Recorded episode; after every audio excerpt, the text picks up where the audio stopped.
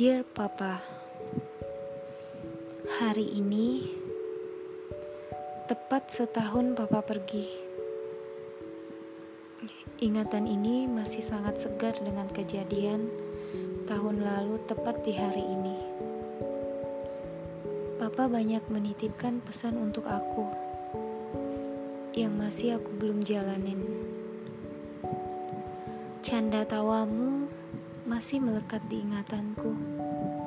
Dari aku lahir di dunia ini sampai umurku menginjak 20 tahun, kau tidak pernah sedikit pun mengecewakan anakmu. Pah, kepergianmu banyak mengajarkanku arti kehidupan ini.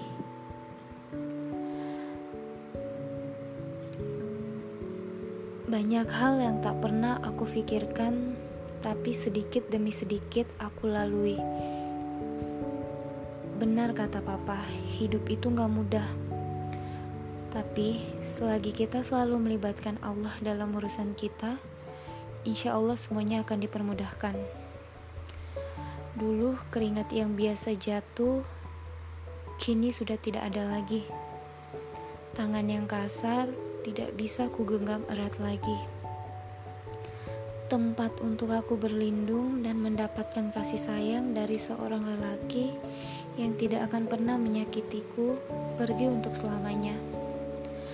Di setiap gelapnya malam, aku selalu berharap kau akan datang ke dalam mimpiku.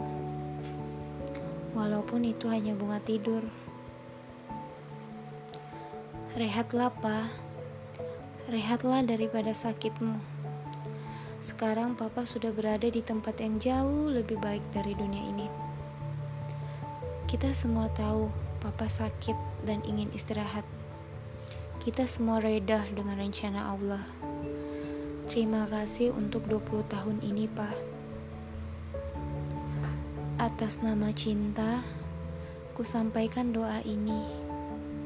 Satu dari sekian banyak doa untuk papa yang selalu ingin kukirim ke negeri abadi tempat kini Papa berada.